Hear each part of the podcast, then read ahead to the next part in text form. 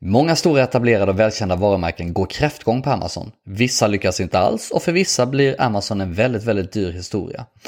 Däremot ser vi varje dag hur små individuella egna varumärken fullständigt sopar mattan med de stora drakarna och tjänar mycket pengar. Vilket såklart är fantastiskt roligt för små private labels att Amazon är en marknadsplats där David kan vinna mot Goliat 24-7. Men vi inte bara ser stora varumärkens misslyckanden på Amazon. Jag och mina medarbetare har även jobbat nära flera stora varumärken så vi har kunskapen om exakt vad de gör för fel. I det här avsnittet så kommer du vara med om när vi dissekerar vad stora varumärken gör för fel. Du kommer höra en del skräckhistorier som kommer få dig att rysa, men du kommer garanterat lära av dem. Du kommer också få fem konkreta tips till vad man behöver göra som etablerat varumärke för att verkligen lyckas med att ta del av den här enorma försäljningskakan som Amazon faktiskt erbjuder. Dessutom kommer du få se hur det ser ut i en specifik liten kategori på Amazon, hur mycket ett litet private label faktiskt omsätter där, samt hur de och andra små egna varumärken i den här nischen helt konkurrerat ut de stora välkända varumärkena. Ja, oavsett om du representerar ett stort välkänt varumärke idag eller inte så kommer du definitivt ha mycket att lära i dagens avsnitt. Så lyssna vidare. Hej, jag heter Karl Helgesson och du är på väg att skapa framgång på Amazon genom att lyssna på den här podcasten.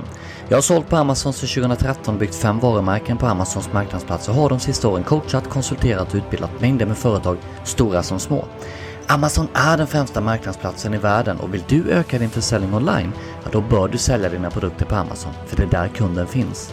Samtidigt kan Amazon upplevas oerhört komplext så i den här podcasten kommer du inte uppleva en massa hype och förskönade halvsanningar eftersom podcasten bygger på erfarenhet, data, psykologi och resultat som jag kommer delge direkt från verkligheten. Om du vill öka försäljningen av dina produkter online och lära dig hur du kan nyttja Amazon, ja då är den här podcasten för dig. Jag är glad att du är här. Varmt välkommen till detta sjätte podcastavsnitt av Amazonpodden Nordisk Amazon Akademi. Och fantastiskt roligt med all respons från förra avsnittet. Eh, I förra avsnittet så talade jag om hur jag byggde mitt första varumärke på Amazon. Så har du missat det, gå in och lyssna. Jag fick galet mycket trevliga e-mail från det. Och ja, jag lovar att berätta om de andra varumärkena framöver. Det finns så mycket content jag vill dela med mig av, men det kommer. Eh, som du vet så brukar jag likna Amazon vid en gigantisk sockerkaka. Och om du tar en pincett och petar ur ett korn ur den här fantastiskt stora sockerkakan så kan du omsätta oerhört stora volymer på Amazon. Och det här är något som många enskilda Amazon-säljare och små private labels har insett och de säljer för otroligt stora belopp månad in och månad ut. Samtidigt så finns det många stora, välkända och erkända varumärken som kapitalt misslyckas på Amazon. Vad gör de för fel? Ja, det här ska vi gå in på och det första problemet jag vill ta upp på det är brist på kontroll. Och vad innebär det? Vad menar jag? Jo, många stora etablerade varumärken har börjat sälja på Amazon och oftast så säljer de på två sätt. Det ena eller det andra eller båda två. Och det ena är då genom Amazon Vendor Central, det vill säga att Amazon agerar återförsäljare kan man säga. Eller genom att låta ens egna distributörer och återförsäljare sälja ens varumärke och produkter på Amazon. Oavsett om det är Vendor Central eller dina distributörer och återförsäljare som säljer på Amazon, så i våra ögon är detta ett generalfel. Och varför? Jo, för att du tappar kontrollen över ditt varumärke, din prisbild, din brand awareness. Du tappar kontrollen över bilder, text och kundens upplevelse och du tappar kontrollen över kundservicen. Så om vi tittar på Vendor Central då. Genom att du skriver kontrakt med Vendor Central så agerar de alltså återförsäljare av ditt varumärkes produkter. Och är du intresserad av att veta mer om de olika sätten att sälja på Amazon och hur Amazon Vendor Central står sig eh, mot att sälja som en tredjepartssäljare genom FBA och FBM, ja då kan du gå tillbaks och lyssna på avsnitt 4 som handlar om de olika sätten du kan sälja på Amazon där vi verkligen dissekerar det här och, och benchmarkar dem. Eh, men tillbaks till ämnet. Genom att du ger kontrollen till antingen Amazon Vendor eller dina distributörer eller återförsäljare så är det också de som till syvende och sist har kontroll över allt kopplat till ditt varumärke och dina produkter på Amazon. Men vad innebär det konkret? Jo, Amazon Vendor automatiserar oerhört mycket. De väljer ut enstaka produktbilder, korta texter. Det här resulterar i bilder som ofta är fula, de är inte optimerade för Amazon och ännu värre, du har väldigt lite eller ingen SEO. Och utan SEO, ja då kan kunderna inte hitta dig på Amazon. Då kanske du resonerar så här att ja, men vi är ett så stort och välkänt varumärke så SEO för oss är egentligen sekundär. Ja, på andra ställen kanske, men inte på Amazon. På Amazon så är 80% av alla sökningar produktrelaterade sökord. De andra 20% de delas upp mellan problem, problemlösningar och bland annat varumärken. Och om nu din kund hittar dig så är Vendocentrals listningar ofta så dåligt skrivna och så oattraktiva att en konvertering blir dålig. Ja, men det kanske vi kan uppdatera själva, tänker du. Ja, förvisso kan det gå, men faktum är att Vendor Central har ett automatiserat system som ofta gör vad den tycker bäst. Och plötsligt om du går upp och uppdaterar dina listings så kan de bli bakdaterade till denna dåliga ursprungslistningen med kastfoto och ingen SEO. Ja, så summa summarum blir listings som inte kan indexera och ranka på Amazon, vilket gör att kunderna inte hittar dem, således låg trafik. Och det innebär låg försäljning. Och om de hittar det så får du dålig konvertering, så det innebär ju alltså låg eller ingen försäljning. Eh, om du säljer via Amazon Vendor Central. Hur funkar det med återförsäljare och distributörer då? Ja, ungefär likadant. Att vara framgångsrik på Amazon, det är en konst. Det kräver kompetens, det kräver erfarenhet. De flesta återförsäljare och distributörer har inte den kompetensen och det är bara att inse det. Det innebär att de lägger upp dina produkter, ditt varumärkesprodukter, skapar dina listings, det vill säga produktsidor på fel sätt och ofta så blir de väldigt snarlika de listings som Vendor Central själva lägger upp. Det vill säga att man har ett fåtal bilder, man har dåliga bilder och allt som oftast väldigt icke-optimerade bilder för Amazon och dessutom på det dålig eller ingen SEO, dålig säljskopy. Så ofta är det här same same oavsett om ditt varumärke säljer via Vendor Central eller via återförsäljare. Vidare när det gäller kontrollen så tappar man kontrollen över sin prisbild. Och det här tål att sägas igen även om vi pratade om det i avsnitt 4. Ja, även om du och ditt varumärke är väldigt tydlig med Vendor Central att en produkt ej får säljas under en viss summa så kommer den i princip garanterat att säljas under den summan. Det jobbar med automatisk prissättning på Amazon Vendor Central och det anpassar sig och ditt pris efter en massa olika parametrar. För att ge ett exempel. Vi har en kund som tidigare sålde via Vendor Central. Vi har hjälpt dem ur Vendor Central nu, nu är de en tredjepartssäljare på Amazon. Men när de var Eh, jobbade med eller hade skrivit på för Vendor Central. I avtalet så hade de faktiskt med riktlinjer för sina priser. Och deras priser fick inte gå under 100 euro ungefär och de säljer liksom premiumprodukter. En dag så fick de oerhört många arga och riktigt frustrerade samtal och mejl från återförsäljare i Europa. Varför? Ja, det här varumärkets produkter såldes plötsligt mellan 5 och 20 euro. Ett urval av de här produkterna på Amazons olika marknadsplatser. Det här ledde till ramaskri. Ja, vad hade hänt? Ja, den här typen av, av prisdumpningar, det sker med jämna mellanrum. Det här kan bero på att produkten rör sig för sakta och Vendor Central behöver tömma lager. Det kan också vara ett sätt för Vendor Central att försöka ranka genom att stimulera försäljningsvelocitet. Men som du förstår drabbar ju det här ditt varumärke och dina återförsäljare och alla andra butiker du finns i väldigt negativt. Och något annat vi sett vid flera tillfällen är att Vendor Central köper en viss mängd produkter men när vi kikar så motsvarar den här försäljningen på Amazon inte mängden produkter de köper av varumärket. Samtidigt så ökar antalet oauktoriserade återförsäljare på dina listings och det är oftast återförsäljare man aldrig hört talas om. Vad är det här då? Jo, säg att Vendor Central köper 1000 enheter av ditt företag eh, eh under en viss period. 1000 enheter av en produkt. Men när vi kollar statistiken så under perioden och kanske till och med en längre period så har bara 500 enheter sålts under den här på Amazon. Därefter så börjar det trilla in en mängd suspekta återförsäljare på din listing, alltså på din produktsida, som du aldrig hört talas om. De börjar kriga hårt om buyboxen, det vill säga den lilla köpknappen. Och de vinner den genom att kriga med ett lågt pris. Din prisbild går alltså neråt. Vad är det som har hänt då? Jo, vid de här tillfällena när vi har sett det här så har alltså Vendor Central köpt en större mängd enheter, alltså större mängder än de själva säljer. Till slut så ser de att det här sitter bara på lagret. De dumpar produkterna på likvidation. Och vilka sitter här då? Ja, här finns det en mängd luttrade Amazon arbitrage som de kallar det. Och de bara väntar på den här typen av erbjudanden. De köper produkter för ören på kronan och börjar återförsälja dem på samma listing som du har från början genom att sälja för väldigt låga priser så vinner de buyboxen och de krigar mot Vendor Central och Vendor Central är ju jättepigga på dumpa priser. Så här blir ju då ett priskrig. Och din prisbild går neråt. Okej, så även om du inte säljer via eh, Vendor Central så händer såklart ungefär samma fenomen när flera återförsäljare säljer exakt samma produkt på Amazon. De säljer alltså på din listing, på samma listing och de krigar om att vinna buyboxen. Och många väljer att kriga med prisbilden, det vill säga att lägst pris vinner. Speciellt om alla återförsäljaren använder FBA, för då har de inte så mycket att kriga med. Har du FBA så garanterar Amazon dig en högre procent av buyboxen. Men har alla återförsäljare FBA, ja då är det ju prisbilden framförallt man krigar med. Det här leder till en fight om buyboxen och du kan över tid se hur prisbilden sjunker på Amazon. Och det här drabbar ju såklart ditt varumärke även utanför Amazon. Den sista faktorn jag vill ta upp inom just kontrollen, det är den negativa kundservicen. När du överlåter kontrollen av ditt varumärke på Amazon till någon annan, hur intresserade tror du att de är att ha en kundservice i världsklass? Ja, minimal kan jag säga. Och vissa vet inte ens hur den fungerar.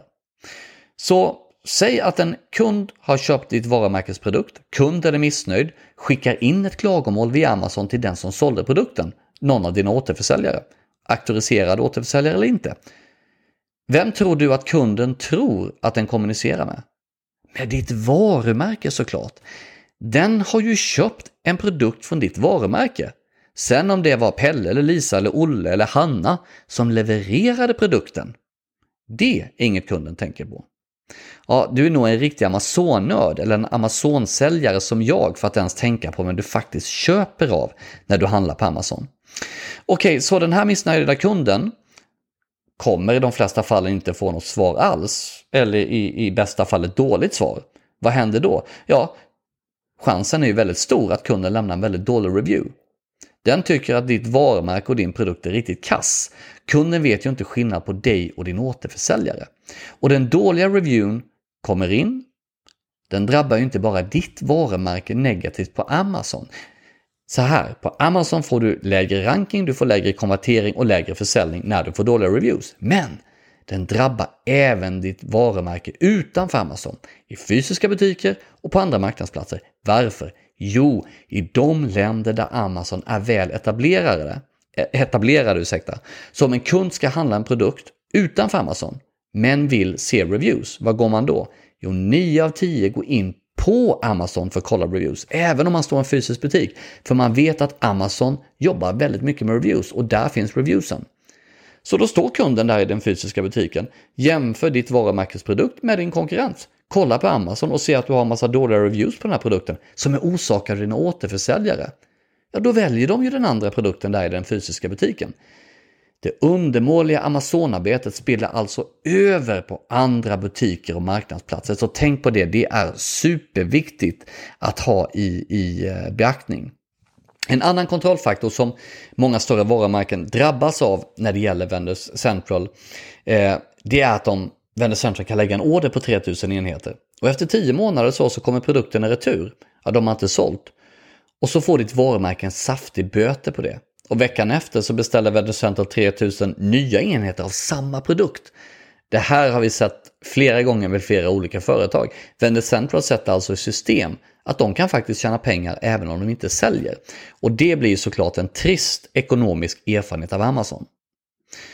Så vad är lösningen för ditt varumärke för att slippa allt det här och få gå vinnande in på Amazon? Enkelt, det är kontroll. Se till att ni har kontrollen över varumärket på Amazon. Låt inte Vendor Central, låt inte din distributör eller dina återförsäljare ha kontrollen. Den ska du ha. Ja, säljer du redan på Amazon? Det här tipset som jag ger dig nu, det är värt miljoner kronor. Så du kan skicka eh, en peng till mig om du vill. Nej, jag skojar bara. Men säljer du redan på Amazon, så lyssna på det här. Se till att ta tillbaka kontrollen. Om dina återförsäljare har kontrollen på Amazon och ni finns på Amazon eller vänder centrala kontrollen, ta tillbaks den.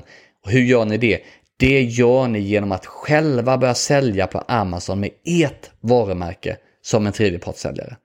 Det är att det här tipset kan få er från att sälja lite och dåligt på Amazon till att sälja för flera miljoner. Så även om det är så enkelt och låter som kontroll, jag visst det låter enkelt, men det är grundfundamentet för att lyckas på Amazon.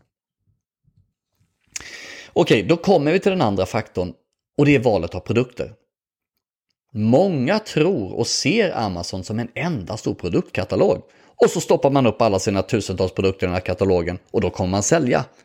Nej, nej, nej, det fungerar inte så.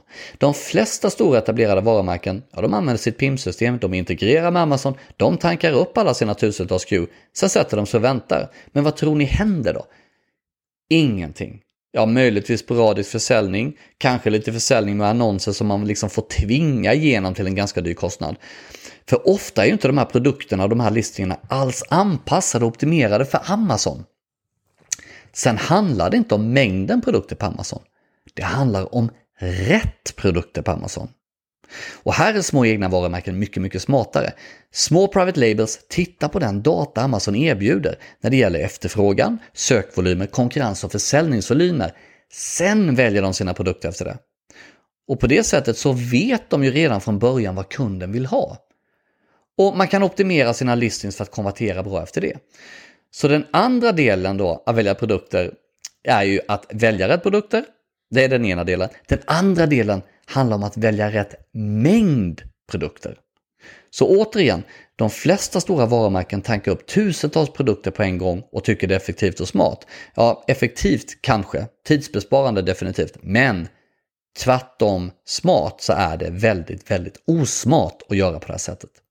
Och varför är det osmart? Jo, för att Amazon, eller rättare sagt Amazons ANI-algoritm, har något som kallas för the honeymoon period, Amazons smekmånad. De första 30 dagarna är det viktigaste i en produkts liv. Det är ANI som bestämmer vart i sökresultatet olika sökord, på olika sökord produkten ska hamna när kunden söker.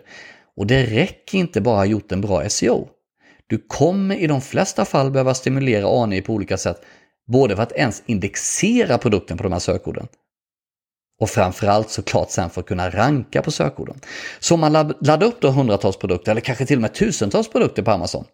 Tror du att man kan ge de produkter den kärlek de behöver för att positionera sig på Amazon? Nej, det är helt omöjligt. Och när inte produkterna varken indexeras eller rankas, då hittar inte kunderna produkterna. Och då säljer man ingenting. Så låt mig berätta en sann och avskrämmande historia som ni kan lära er av. För två år sedan ungefär, ungefär så gjorde vi en väldigt omfattande analys för ett stort svenskt företag. Det är ett globalt känt varumärke. Med den här analysen så tog vi också fram en strategi som direkt visade på vilken typ av produkter de skulle lansera för att snabbast nå framgång, hur de skulle lansera på rätt sätt för att ta position och hur de skulle arbeta med sina listings för att de inte bara skulle indexeras och ranka men också konvertera på bästa sätt. Vi var också oerhört tydliga med en sak. Vad ni än gör, lägg inte upp alla era tusentals produkter på Amazon samtidigt. För vi förstod direkt innan vi ens började analysen att det var vad man hade tänkt göra. Och analysen visade ju tillsammans med vår erfarenhet och kompetens att så kan man inte göra. Utan vi sa istället att lägg inte upp dem. Börja istället med de här få produkter vi har föreslagit. Skapa traction på dem, få igång en bra försäljning. Sen tar ni nästa gäng produkter, gör samma sak, får igång en bra försäljning och sen tar ni nästa gäng produkter. Man upprepar det här. Då kan man lansera väldigt mycket produkter. För då ger man ett antal produkter kärlek, de tar fart. Sen tar du nästa omgång produkter och ger dem kärlek och de tar fart. Så vi gav dem en väldigt tydlig plan om vad som fungerade, exakt hur de skulle göra och exakt vad de inte skulle göra. Så vad tror du att de gjorde? De gjorde i princip tvärtom. Helt tvärtom. De listade alla sina tusentals produkter på Amazon på en gång utan att överhuvudtaget följa analysen vilka produkter som skulle sälja bäst på Amazon och strategin vi har tagit fram. Och utan att överhuvudtaget jobba med sina listings. De laddades upp med PIM-systemet direkt som det såg ut i deras internsystem och på deras hemsida. Ungefär två år passerade och nu ringde eh, de mig i total panik och det här är bara ett par veckor sedan. De får inte skicka in några produkter till Amazon längre. Varför? Ja, eftersom de tvärt emot vår rekommendation la upp tusentals produkter och skickade in dem till Amazon. De följde inte vår strategi när det gällde listingen. Vad hände då? De har inte sålt någonting. De har sålt en handfull, jättedålig försäljning. Vad händer då tror ni när man sitter där med massa produkter på Amazon lager? Det som händer då är att man får ett väldigt dåligt Inventory Performance Index, det kallas IPI. Och då får man inte skicka in mer produkter, inte ens av de man säljer av. Så du förstår vilken rävsax de sitter i. Så att de laddar upp då alla tusentals produkter utan att blinka, utan att välja rätt produkter och liksom titta på den här Amazon-datan vi hade gett dem. Ja, det har inte bara kostat dem pengar i long term storage fees, det vill säga att man får betala böter till Amazon om du har produkter som ligger mer än 365 dagar på Amazons lager utan att sälja. Och laddar du upp tusentals produkter och skickar in till Amazons lager och de inte säljer, ja det blir ganska dyra pengar. Sen får de inte skicka in produkter som faktiskt säljer, så de missar ju försäljningar, de få produkterna som sålde. Så då måste de ta bort en massa produkter som de la upp för två år sedan. Och det här blir såklart en dyr historia. Så mina vänner, att välja rätt produkter för Amazon och börja med rätt mängd produkter på Amazon. Gör det, för då slipper ni hamna i den här typen av situationer som det här stora varumärket har gjort. Och framförallt, gör ni det här på rätt sätt, ja men det är ju så ni skapar framgång. Så lär er av det. Ja, den tredje faktorn då, som gör att många stora etablerade varumärken inte lyckas på Amazon, det är att de helt sonika inte anpassar sig efter Amazon.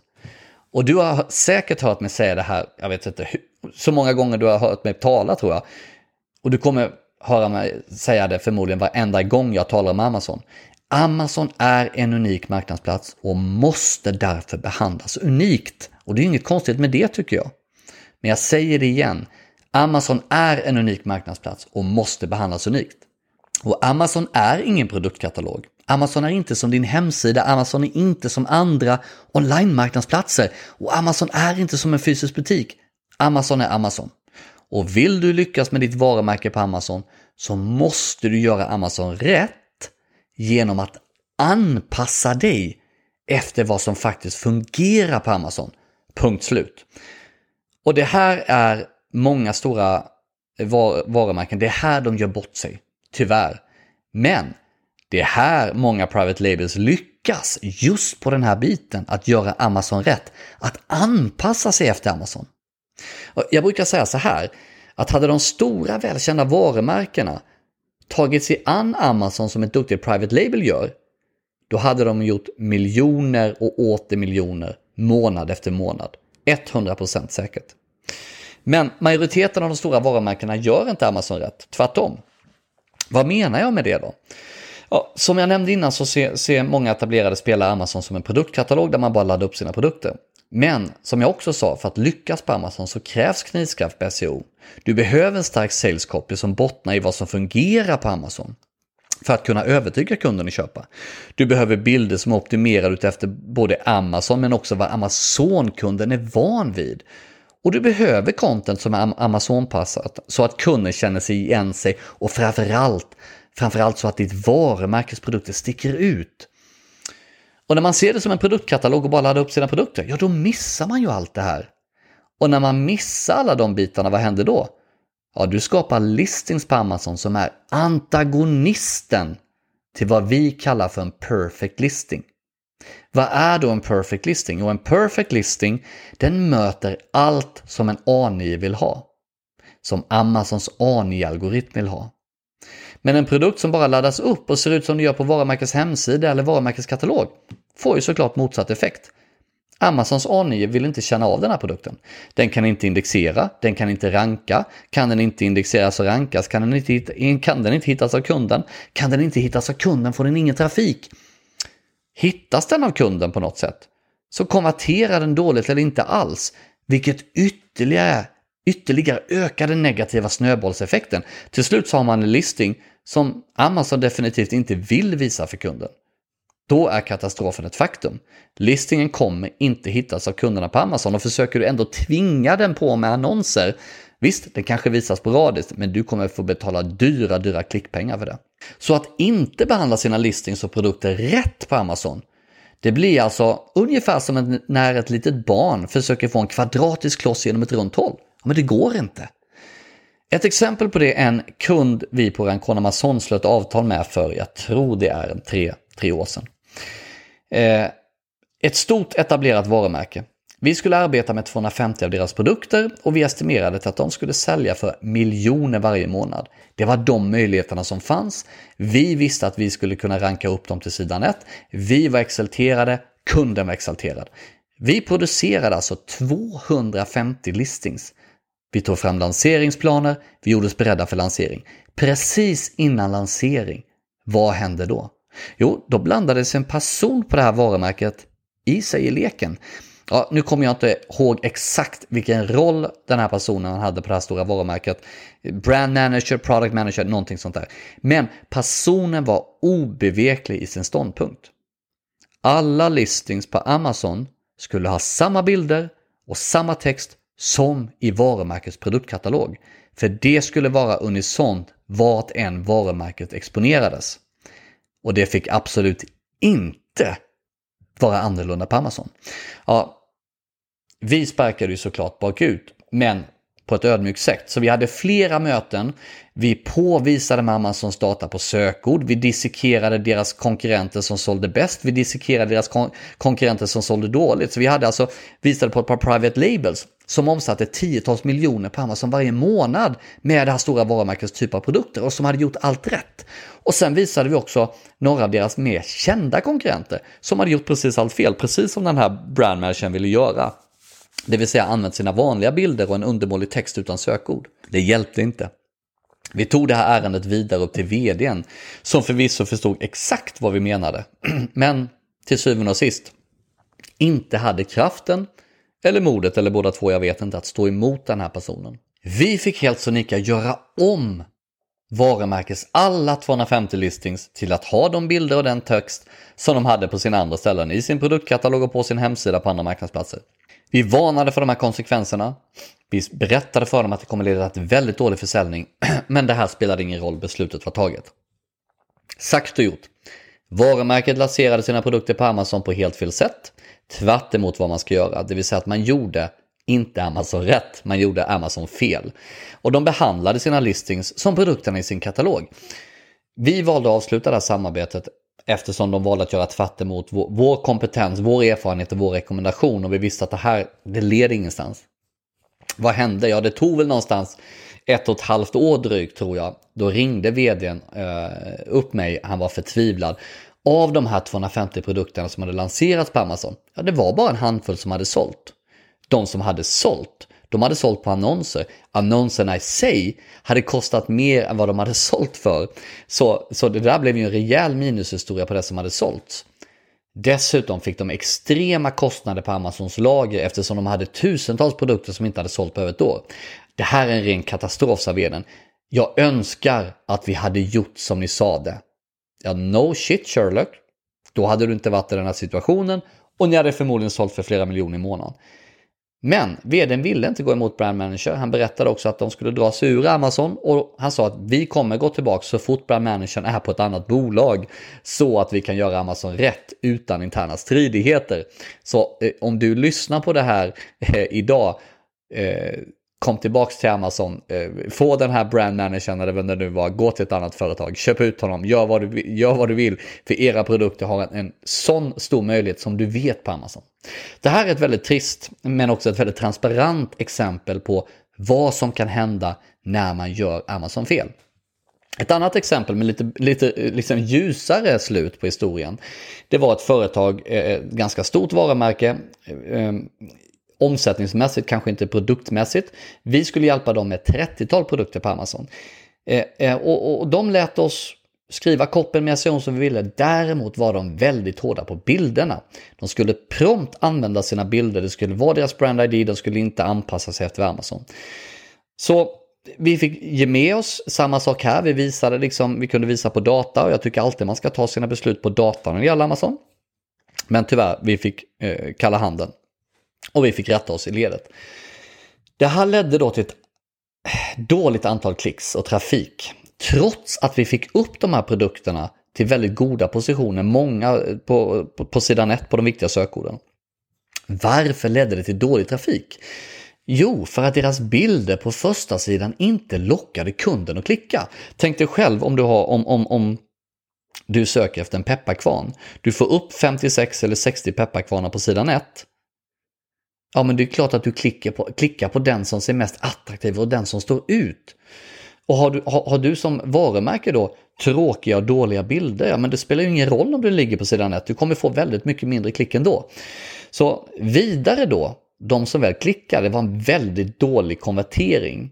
Det var med Amazon mätt katastrofal och jag, jag kommer till vilken konvertering de hade. Varför? Jo, för att bilderna på listingen var inte anpassade efter Amazon. De var inte optimerade efter Amazon, de var inte tillräckligt lockande. Amazon-kunden kunde inte känna igen sig jämfört med hur bilderna såg ut på deras större duktiga konkurrenter. Varumärket stod inte ut, man såg inga unique selling points. Till slut så fick vi i alla fall varumärket att gå på att anpassa bilderna på bara en av deras 30 produkter. Vi sa ge oss en månad, max, och vi ska uträtta underverk. Så vi fick, vi, vi fick okej okay på det, så vi bytte ut alla sju bilder på den här listningen. Vi såg till att optimera dem efter datan vi tog fram, efter Amazon, efter hur kunderna sökte, efter deras produktkategori. Och vad tror du hände? Jo, trafiken ökade över en natt. Helt plötsligt hade vi en första bild som drog kundens ögon till sig och nu ville Amazon-kunderna klicka sig in på listningen. Och med klicken och trafiken, vad hände då? Ja, då ökade försäljningen. Inte nog med det, försäljningen ökade rejält. Eftersom de optimerade bilder vi hade i varumärkets listings ökade konverteringen, för lyssna nu, 1,1% som de hade innan, när de hade sina vanliga bilder, till 13%. Det är alltså en ökning med ungefär 12 gånger. Så konverteringen ökade nästan 12 gånger.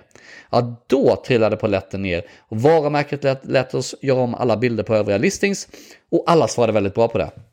Och idag förstår det här varumärket vikten att inte bara anpassa sitt, sitt textcontent på Amazon eh, efter vad som funkar på Amazon, utan även sina bilder. Så otroligt viktigt. Alright, en fjärde faktor som Private Labels gör bra, det är att de är oerhört aggressiva på Amazon. De väljer rätt produkter, de ger allt rätt från början med SEO, perfekta listings och sen då, ja sen lanserar de aggressivt. Och de flesta stora varumärken vi ser, ja förutom att de flesta inte gör Amazon rätt, det är att när de väl går in på Amazon, då vill man liksom man vill eh, doppa tårna lite, man vill testa sig. Man är som en, som jag är när man ska bada på sommaren i Sverige. Jag fixar ju inte badvatten under 29 grader. Så när jag går ner här på bryggan i mitt hus och så stoppar jag tån i vattnet och så känner jag att ah, det är lite för kallt för mig och sen så eh, badar jag kanske ner till vaderna ifrån bryggan ungefär. Eh, man blir alltså väldigt defensiv i sin approach. Och att vara defensiv i sin approach på Amazon när man dessutom inte har gjort Amazon rätt från början. Ja, jag skulle säga att det blir som att du går ut på en tunn is fast du tar med dig extra vikter ut på tunna isen. För hur ska du som stort varumärke kunna hävda dig mot de här otroligt duktiga små varumärkena som gör Amazon rätt, om, om du inte gör Amazon rätt? Och sen ovanpå det, du är defensiv och de här små duktiga varumärkena som gör allt rätt, de är oerhört aggressiva. Ja, det säger sig självt. Så det handlar om att gör inte bara Amazon rätt, utan våga satsa när du väl går in på Amazon.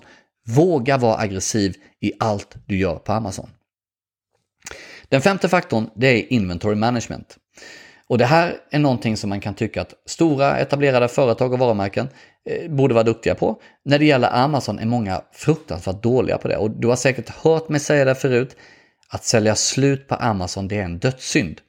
Ja, och det här hörde vi verkligen i avsnitt två av Amazonpodden, Nordisk Nordiska Amazonakademi där jag hade en gäst och det var Johan som berättar om, hade de inte sålt slut så många gånger på Amazon som de har gjort, som har förstört deras ranking Förut, innan de började sälja slut, så låg de alltid topp. De var alltså etta, två eller trea på sina viktigaste sökord jämt.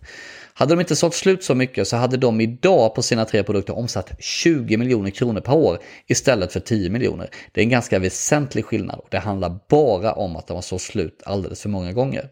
Så när du säljer slut en produkt som du har fått igång på Amazon, du har kommit igång, fått en bra försäljning, ja, vad säger du till Amazon då? Jo, du säger till Amazon att hej, vårt varumärke kan inte leva upp till Amazon-kundernas efterfrågan. Och då vill inte Amazon ha det lika högt upp i rankingen. Det påverkar också din viktiga eh, IPI, alltså din Inventory Performance Index, som bestämmer ditt lagerutrymme på Amazon. Så säljer du slut och säljer du slut för ofta så påverkar det här verkligen din IPI negativt och då kanske du inte får eh, skeppa in tillräckligt med produkter. Och ett exempel jag kan ge här, det är ett svenskt välkänt outdoorföretag eh, på Amazon som, som vi hjälpte. Och ett av kriterierna när vi talade med dem, det var att vi ville jobba med produkter för vi, vi såg att det fanns en viss oro eh, från vår sida. Vi såg på vissa produkter att de, de här kommer kunna sälja slut när vi såg vad de hade i lagrummet. Så vi bad att få jobba med produkter som, som de garanterade inte skulle sälja slut. Och de sa så här, men vi har ett antal sådana. Bland annat en typ av t-shirt och vi har någon form av ryggsäck och jag tror det var någon regn, något regnplagg. Och de sa till oss att de här produkterna är så kallade evergreens. Det vill säga att de kan aldrig sälja slut. De finns alltid i lagret. Briljant, sa vi. För vi visste att vi skulle kunna leverera underverk om bara de kunde se till att ha i lager. Vi gjorde vår research, vi började med den här t-shirten, vi tog ut all data, vi berättade den försäljningen vi estimerade. Vi kunde se att vi räknade med, trots att vi började med noll reviews och så vidare, att inom 30 dagar så skulle vi kunna nå en omsättning på ungefär en kvarts miljon i månaden, alltså 250 000 i månaden.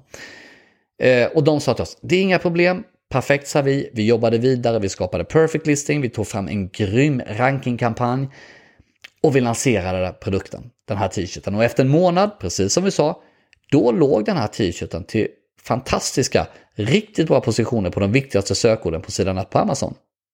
Det innebar att Ja, vi kom till och med över, strax över, jag tror vi sålde för runt 260 000 kronor i månaden, 265 000 kronor i månaden. Och det skulle jag säga, det är väl inte så himla dåligt för en vanlig enfärgad så kallad dryfit t-shirt, eller hur? Eh, efter ett par månader så såg vi att lagret behövde fyllas på. Men helt plötsligt gick det inte. Jaha, varför inte det? Det här var ju liksom en evergreen. Ja, då visade det sig att de kanske inte hade riktigt trott på att vi skulle kunna få sån snurr på den här t-shirten. För att sälja för en kvarts miljon månader. Och det här evergreen, ja det var ju evergreen baserat på hur annan typ av försäljning såg ut. Så nu helt plötsligt berättar de att det var ungefär nio månaders leveranstid på t-shirten. Och vi tappade ju hakan här. Okej, okay, så vi började försöka höja priset, försöka få ner försäljningsvolymen. Det gick inte. Vi sålde slut. Och det tog 10 månader drygt innan den här t-shirten var tillbaka i Amazons lager. Och så här är det, om du lyckas med en produkt så här pass bra och sen säljer du slut, ja är du borta några dagar, någon vecka, det är inga problem, du kommer kunna ta tillbaks din position. Men att vara borta så här lång tid, som du förstår är det inte alls bra. Den här t-shirten, det gick inte att få tillbaks till de här ursprungspositionerna sen. Så vi landade på den här t-shirten med runt 40-50 000 kronor i månad. Så långt ifrån vad vi var. Och sen hände det likadant med deras ryggsäckar. Och sen hände det likadant med deras regnjackor. Vi lyckades få upp dem till goda positioner på Amazon. Vi fick en extremt bra försäljning och de sålde slut. Och sen tog det ett halvår till ett år att fylla på de här produkterna igen. Och det här sättet att göra Amazon det blir ju lite som man kommer upp som en sol och sen landar du som en pannkaka. Och tyvärr så är det ofta så här det ser ut för stora varumärken. Inte att de går upp på, eh, som en sol, för det är väldigt få stora varumärken som gör det. Det är mer duktiga private labels. Men framförallt att man faktiskt säljer slut om man är borta länge från lagret. Och, och om du väl hade någon form av position på Amazon, då blir ju den jättesvår att få tillbaks.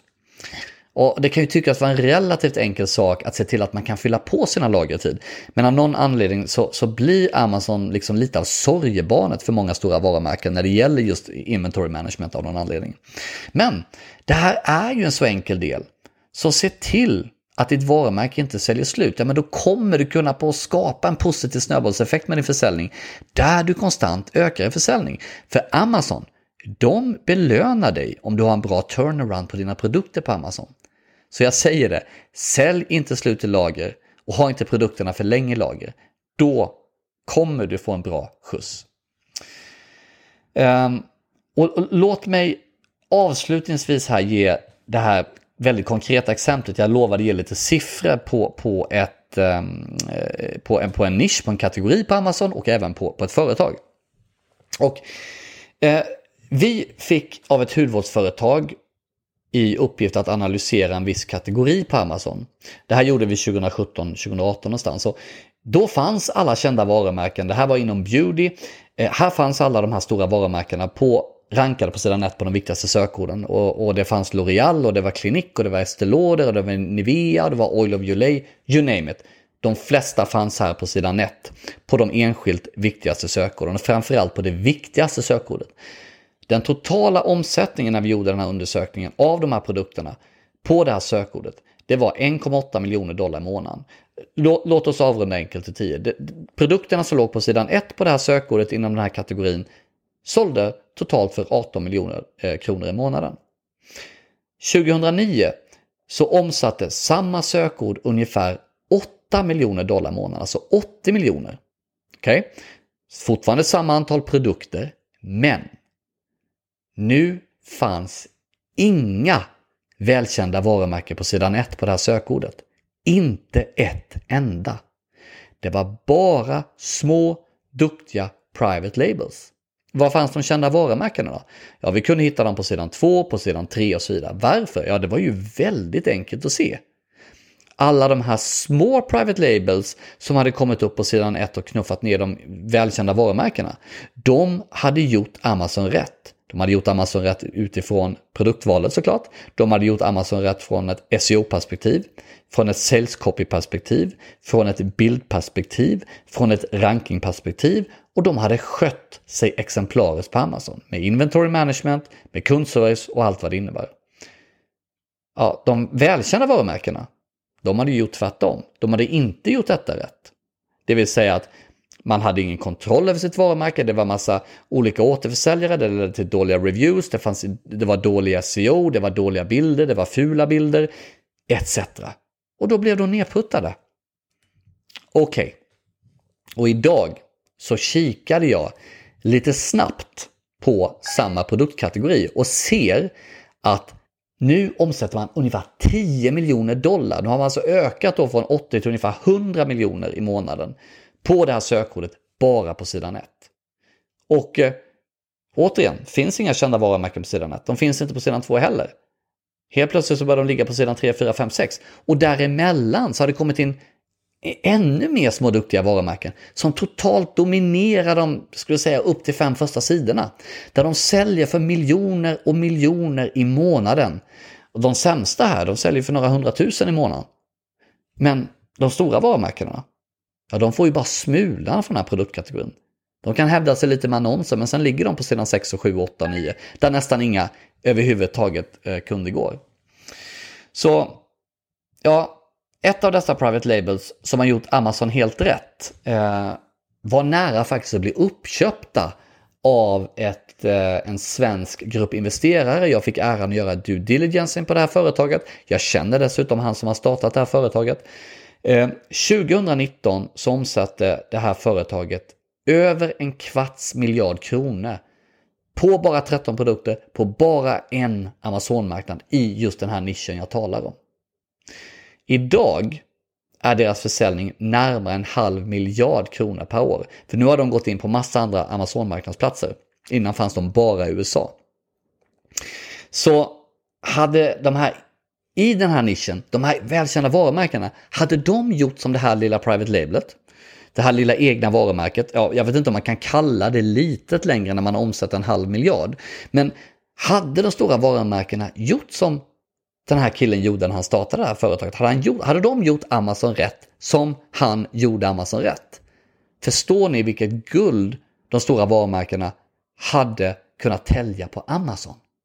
För de har brand recognition, de har pengar för marknadsföring, de hade, har ju förmodligen mycket större budget att göra fantastiska bilder, videos etc. Men man gör det inte rätt.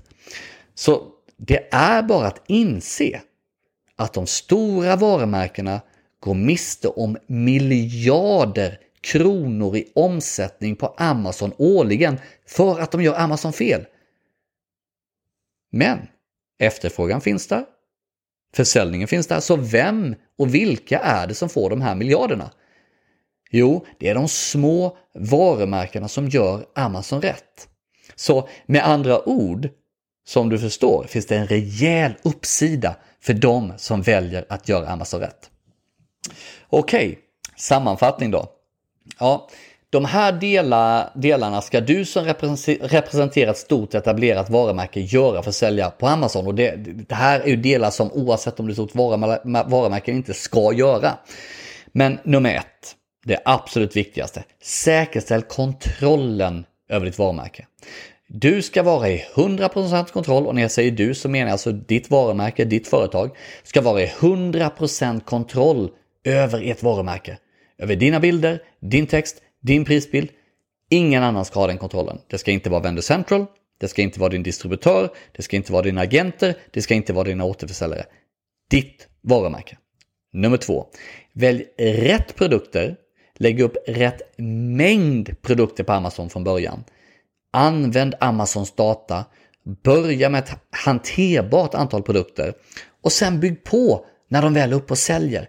Det är rätt approach. Nummer tre. Anpassa dig efter Amazon. Anpassa din SEO. Anpassa din sales copy. Anpassa dina bilder och din marknadsföring. Oerhört viktigt. Gör du inte det, ja då spelar inte nummer ett och två någon roll heller. Nummer fyra. Våga vara aggressiv. Titta hur Private Labels gör. De är superaggressiva så fort de lanserar en produkt. Våga satsa för att vinna. Och nummer fem. När du väl får igång försäljningen, ha koll på ditt lagersaldo. Inventory management är otroligt viktigt, inte bara för din försäljning kortsiktigt, utan för din långsiktiga framgång på Amazon. Så man kan alltså säga som så här. Gör Amazon som ett private label, fast med din kraft eller er kraft som etablerat varumärke. Och oavsett, återigen, oavsett om du är ett stort varumärke, ett litet eget varumärke eller en person som vill komma igång med Amazon och inte har kommit dit än, Följ de här fem punkterna. Då kommer du eller ni lyckas bättre än de flesta på Amazon. För tänk på att en majoritet av de som säljer på Amazon, de har inte koll på de här fem viktiga punkterna. Okej, det var varför de stora varumärkena misslyckas. Så ta lärdom av det här, implementera det och då kommer du få resultat och jag garanterar det. Nästa veckas podd kommer bli oerhört intressant. Det kommer vara ett väldigt viktigt avsnitt och för många tror jag också att det här kan vara känsligt.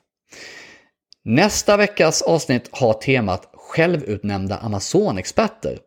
Och jag kommer ta upp ett fenomen som har hänt på marknaden sedan Amazon lanserade i Sverige. Vad hände då? Det bara sa pang. Det vill säga, det är alltså alla de här Amazon-experter som man aldrig någonsin har sett till tidigare. Som från ingenstans på några sekunder dök upp på Facebook och på LinkedIn och på YouTube och på Google, ja du ser dem överallt. Och dessvärre finns det många som vill nyttja kraften av Amazon och tyvärr på fel sätt. Och det gör att företag och entreprenörer riskerar att bli rejält brända. Så i nästa avsnitt så kommer vi titta på hur du som behöver hjälp och kompetens för att lyckas på Amazon oavsett om du är företag eller privatperson ska kunna hitta rätt i den här snabbt växande djungeln av Amazon-experter. Vi kommer gå in på och du kommer lära dig hur du kan genomskåda de som utser sig, utger sig för att vara experter men som inte är det. Och även hur du på ett tryggt sätt kan upphandla den kompetens du behöver med vetskapen om att den du handlar upp faktiskt kommer kunna hjälpa dig och inte skälpa dig. Vi kommer också visa på hur du som faktiskt vill arbeta som Amazon-konsult, hur du bör göra för att visa din seriositet och för att visa din kompetens och erfarenhet. Vi kommer visa på hur du bör göra i valet av kunder för att lyckas långsiktigt, för det är också väldigt viktigt. Samt vad du bör tänka på i de upphandlingar du kommer delta i framöver så att du drar det, du drar det längsta strået och kan börja och få igång din Amazon-konsultverksamhet på riktigt. Det här vill du inte missa oavsett om du är den som vill köpa Amazon-kompetensen eller om du är den som vill sälja den. Så vi ses då. Tills dess önskar jag allt gott. Ha det bra! Tack för att du lyssnade på hela podcasten. Om du är en person som gillar att hjälpa andra så dela det här avsnittet med din familj, vänner och kollegor. Om du känner att det du lyssnat på är av värde, ja då kommer garanterat de du känner uppleva likadant. Så dela det avsnittet genom dina sociala mediekanaler. Har du frågor om Amazon som du vill att jag tar upp i podden? Ja, mejla det då till karl.karlhelgesson.com, alltså karl.karlhelgesson.com, så kanske jag använder just dina frågeställningar till de kommande avsnitten. Och skulle du vilja connecta lite närmare med mig och få regelbundna tips så kan du alltid prenumerera på mitt nyhetsbrev Veckans Amazon-tips och du kan registrera dig på bit.ly amz-tips, alltså bit.ly amz-tips. Och slutligen, jag tror på att ju mer man ger, desto mer får man och att vi tillsammans kan hjälpa fler människor och företag att bli framgångsrika. Därför skulle jag bli oerhört tacksam om du vill ge min podcast en review och gärna en väldigt bra review såklart. För ju mer spridning och ju mer reviews som Nordisk Amazon Akademi får, desto mer människor och företag kan vi faktiskt hjälpa att lyckas på Amazon. Tack så mycket för att du lyssnade!